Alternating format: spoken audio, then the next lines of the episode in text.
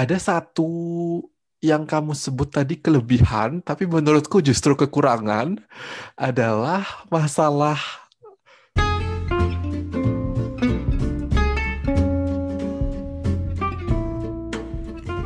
Kalian sedang mendengarkan siniar frasa yang membahas tentang Indonesia, bahasa Indonesia, dan berbagai topik lain untuk menemani kalian belajar berbahasa Indonesia.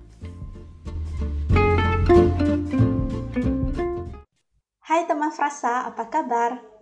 Di episode kali ini, kita akan melanjutkan obrolan mengenai kerja dari rumah. Selamat menyimak!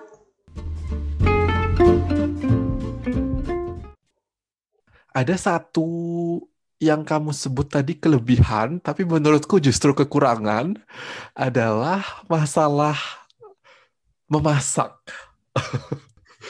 uh, karena tidak lagi bekerja dari kantor, aku justru merasa aku menghabiskan waktu untuk memasak makan siangku sendiri. Karena kalau di kantor kan selalu ada kantin atau ya apa yang disediakan di daerah lingkungan kantor ya yang biasanya ya tentu sudah siap makan dan biasanya harganya relatif murah. Sementara adanya kerja dari rumah ini, aku harus entah memasak sendiri yang memakan waktu cukup lama sebenarnya atau membeli di daerah sekitar rumah yang harganya sebenarnya relatif lebih mahal. Jadi ya menurutku itu kekurangan meskipun mungkin ya berbeda uh, beda orang beda uh, sudut pandangnya ya tentang hal ini. Ya, selain itu beda tempat juga. kalau oh, ya, uh, di sini kan kalau misalkan kita mau masak sendiri akan jauh lebih murah daripada kita membeli. Apalagi uh, ketika kamu tinggal sendiri kan pengeluaran untuk masak uh, sendiri untuk satu orang dan juga untuk membeli makanan itu bisa sangat jauh bedanya. Iya, benar ya aku mengategorikan ini sebagai kekurangan ya. Lalu ada kekurangan satu lagi yang sudah kamu sebutkan sih. Jadi tidak ada uh, batas yang jelas antara waktu kerja dengan waktu untuk diri sendiri. Kalau tadi kamu sebutkan rasanya seperti kerja terus-terusan, aku justru merasa aku kok nggak kerja-kerja ya gitu. Iya, beberapa kali kamu cerita ya. Mungkin karena di pekerjaanku sebelumnya memang harus menyelesaikan uh, beberapa tugas tertentu di satu hari. Jadi dalam satu hari ada capaian yang harus aku uh, kerjakan. Jadi misalkan, jadi untuk konteksnya aku bekerja di bidang layanan yang melalui surel dan juga telepon. Jadi uh, targetku setiap harinya adalah menyelesaikan semua email dan juga menjawab menjawab telepon dari tamu yang menanyakan informasi sampai uh, melakukan komplain. Jadi kalau misalkan uh, email itu sudah selesai, sudah bersih, Ya, jadi pekerjaanku bisa dianggap selesai pada hari itu. Tapi berbeda ya, mungkin uh, karena kamu tidak ada uh, target atau tenggat waktu untuk pekerjaanmu, jadi akhirnya ya benar-benar kamu harus mengatur sendiri ritme kerjamu ya. Iya, ya, dan itu susah sebenarnya menurutku. Iya, dan di pekerjaan yang sekarang aku merasa lebih eh, memfasilitasi aku untuk bekerja sih. Jadi misalkan untuk tugas satu harus diselesaikan sebelum jam satu ya, misalkan seperti itu. Jadi aku akhirnya menggunakan batasan waktu itu untuk uh, mengatur ritme kerjaku. Ya walaupun uh, akhirnya aku bisa memanfaatkan waktu sih, misalkan yang biasanya tidak pernah istirahat banyak di siang hari, jadi bisa istirahat lebih banyak misalkan. Oke. Okay. Nah, selanjutnya mungkin lebih pribadi nih. Kamu sendiri, bagaimana keadaan kamu setelah satu tahun ya menjalani kerja dari rumah? Uh, walaupun ada banyak kelebihan uh, yang tadi kita sebutkan, uh, tapi hal yang paling aku rasakan sih bosan itu tadi ya. Jadi benar-benar harus berinteraksi uh, hanya secara virtual uh, melalui telepon atau video dan juga di tempatku yang baru yang seharusnya awal-awal aku bisa misalkan mengenal kantor, mengenal teman-teman baru, tapi ya hanya bisa aku lakukan uh, secara daring. Selain itu juga uh, karena bekerja dari rumah dan juga masih belum banyaknya pekerjaan yang aku lakukan sekarang, ya aku jadi sedikit merasa seperti kamu tadi. Ya kok sepertinya uh, banyak sekali waktu luang ya. Sepertinya aku tidak bekerja ya gitu. ah iya, puncaknya di minggu lalu aku juga sempat cerita ke kamu ya. Jadi minggu lalu itu agendaku benar-benar bebas. Jadi benar aku uh, bebas mengatur bagaimana aku harus bekerja dan belajar dalam satu minggu itu. Ya, dan di situ aku merasa kebingungan untuk ya mengatur jam bekerja dan belajar. Jadi seperti oh ini kalau misalkan aku baca materi satu, aku bisa menyelesaikannya dalam satu jam. Ya nanti sajalah, nanti gitu terus. iya ya, tanpa tanpa garis waktu yang ketat kita jadinya uh, cenderung untuk menunda-nunda pekerjaan dan itulah yang akhirnya menyebabkan kita menghabiskan seharian penuh untuk bekerja ya. Ya, kalau kamu sendiri bagaimana? Ya, aku merasakan hal yang sama seperti yang kamu bilang tadi tentang pengalamanmu pindah ke kantor yang baru di tengah pandemi ya. Aku sendiri pindah dua bulan sebelum pandemi, jadi aku sudah sempat mengenal lingkungan kantor yang baru, sempat berinteraksi dengan kolega-kolega secara langsung, tapi ya kemudian hanya dua bulan, kemudian setahun setelahnya penuh hanya secara virtual. Yang aku sayangkan, yang paling aku sayangkan adalah kesempatanku untuk belajar bahasa jadi jauh berkurang. Padahal aku membayangkan andaikan ya dalam satu tahun itu aku bisa berinteraksi sehari-hari dengan penutur asli bahasa Jerman tentu tingkat kemahiranku dalam berbahasa Jerman sekarang akan jauh lebih baik. Itu yang aku sayangkan sih. Lalu hal lain adalah tentang kesehatan jasmani, kesehatan badan karena bekerja karena banyak bekerja di rumah aku ya kadang-kadang merasa badan ini sedikit lebih kaku dari seharusnya. Karena ya kalau bekerja kan pasti ada uh, setidaknya setiap hari itu pasti 30 menit minimal ya aku akan berjalan kaki entah menuju ke stasiun atau ya menuju ke gedung dari kantor menuju ke tempat makan siang dan seterusnya Sementara sekarang ya dalam satu hari aku belum tentu keluar rumah. Bisa mungkin tiga hari atau empat hari sekali keluar rumah. Jadi sangat kurang berolahraga.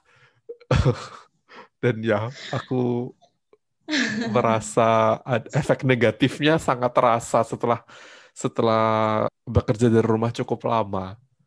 Benar sih kesehatan fisik ya. Selain itu juga kesehatan mental sih yo. Aku rasakan selain karena kebosanan tadi, kemudian kurangnya interaksi sosial dan juga fleksibilitas yang diberikan itu benar-benar ya berpengaruh menurutku secara mental. Ya. Seperti ya menunda-nunda pekerjaan yang akhirnya menyebabkan pekerjaan menjadi menumpuk atau tidak tahu apa yang harus dikerjakan hari itu misalkan. Jadi uh, akhirnya membuat kita stres dengan mm-hmm. ya dengan pekerjaan atau bahkan membuat kita tidak bisa uh, produktif dan juga termotivasi untuk menyelesaikan pekerjaan. Ya, itu tepat sekali aku rasakan. Gimana ya cara mengatasinya? Aku membaca artikel dan juga cerita-cerita dari teman-teman yang lain. Uh, misalkan ada yang akhirnya mandi setiap pagi, kemudian berdandan, berpakaian ah, iya, seperti iya. kamu mau ke kantor gitu. Jadi itu untuk lebih memotivasi. Terus kerja sesuai jadwal. Jadi benar-benar misalkan jam 7 harus masuk kantor, ya jam 7 itu kamu sudah harus siap. Uh, bukan jam 7 kamu baru bangun seperti itu. Tapi tetap secara mental aku merasa aku tidak bisa membohongi diriku walaupun aku berdandan dan semuanya terus akhirnya aku ya aku di rumah aku melihat tembok di kamarku bukan kantor gitu iya ya salah satu cara lain yang dulu uh, dipakai atasanku di tempat kerjaku yang lama itu dia uh, menyalakan suara-suara berisiknya kantor oh. seperti di YouTube atau ada juga situs uh, aku lupa apa tapi uh, situs itu seperti kantor secara virtual uh, yang bisa menghasilkan bunyi-bunyi seperti kamu sedang ada di kantor. Jadi ada bunyi orang menyalakan mesin fotokopi, lalu ada oh, bunyi, wow. ya. Tapi ya itu mungkin strategi yang sangat bagus ya. Tapi untuk aku tidak berpengaruh. aku tidak bisa membohongi okay. diri sendiri. Mungkin iya, mungkin kamu adalah orang visual ya, jadi tidak bisa ditipu oleh suara-suara seperti itu, berpengaruh buat kamu. Iya. Sementara atasanmu ya, mungkin lebih lebih uh, auditori, jadi cukup dengan tipuan secara suara dia bisa kembali bekerja dengan efektif. Iya, mungkin nanti aku bisa membagikan ke kamu ya, karena ya lucu ada ada suara meja, suara orang seperti mau ngobrol di belakang kita gitu, lucu. Asik sekali ya, padahal biasanya di kantor kita akan marah-marah kalau ada yang ribut atau ya biasanya suara-suara seperti itu dianggap mengganggu, tapi justru sekarang dapat menjadi trik psikologis ya. Iya, dan menjadi hal yang kita rindukan. Iya. Oke, satu pertanyaan terakhir nih untuk kamu. Andaikan pandemi sudah berakhir, lalu kantormu memberikan pilihan. Kamu bisa bekerja tetap seperti ini, bekerja dari rumah, atau kembali ke kantor. Nah, kamu akan milih bekerja dari mana? Oke, karena sebenarnya tugasku pada dasarnya bisa dikerjakan secara jarak jauh. Jadi uh, aku ingin mungkin 50-50 ya. Jadi ada kesempatan untuk bekerja di kantor uh, dan juga tetap bisa bekerja dari rumah. Mungkin awal-awal aku akan lebih memilih untuk bekerja di kantor secara penuh untuk tujuan itu tadi mengenal lingkungan kerja, mengenal kolega, tapi juga seiring berjalannya waktu, jika memungkinkan, aku ingin tetap bekerja dari rumah sih untuk merasakan kelebihan-kelebihan atau privilege yang kita dapat kalau bekerja dari rumah. Kalau kamu sendiri gimana? Iya, aku juga memiliki jawaban yang sama persis dengan jawabanmu. Aku suka bekerja di rumah tapi tidak mau dipaksa seperti sekarang ini. Jadi aku mau oh, iya, bekerja iya, iya. di rumah karena iya, memang ya, bisa. ya. Iya, benar-benar. Uh, kerja dari rumah karena kita mau ya, bukan karena terpaksa. Jadi ya akan sangat menyenangkan, akan sangat baik juga menurutku untuk produktivitasku kalau aku bisa diberi kemungkinan untuk kembali ke kantor, bekerja seperti biasa, tapi ada fleksibilitas untuk bisa bekerja dari rumah juga. Jadi bisa mengambil kelebihan dari kedua tempat kerja ini ya. Iya. Semoga uh, kita tetap betah dan juga kita bisa menemukan cara-cara yang efektif untuk kita ketika kita sedang tidak termotivasi atau merasa uh, stagnan dalam pekerjaan ya. Iya. Nah, itu tadi adalah diskusi kami tentang kerja dari rumah. Bagaimana dengan teman-teman? Apakah teman-teman juga terpaksa bekerja dari rumah? Atau mungkin teman-teman termasuk dalam sebagian yang tidak mungkin mengerjakan pekerjaannya dari rumah? Bagaimana teman-teman menghadapi tantangan bekerja dari rumah semasa pandemi ini? Teman-teman dapat menceritakannya ke kami melalui pesan suara ke anchor kami atau jika teman-teman lebih suka menulis, teman-teman dapat mengirimkan surel ke kontak frasa at gmail.com. Kami tunggu ya cerita teman-teman.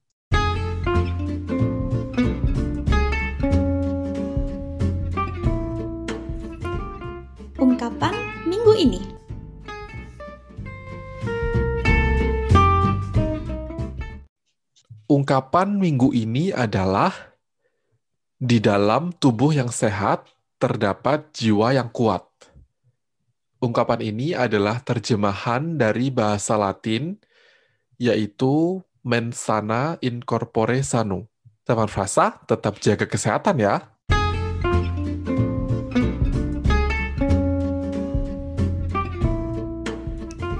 rekomendasi minggu ini.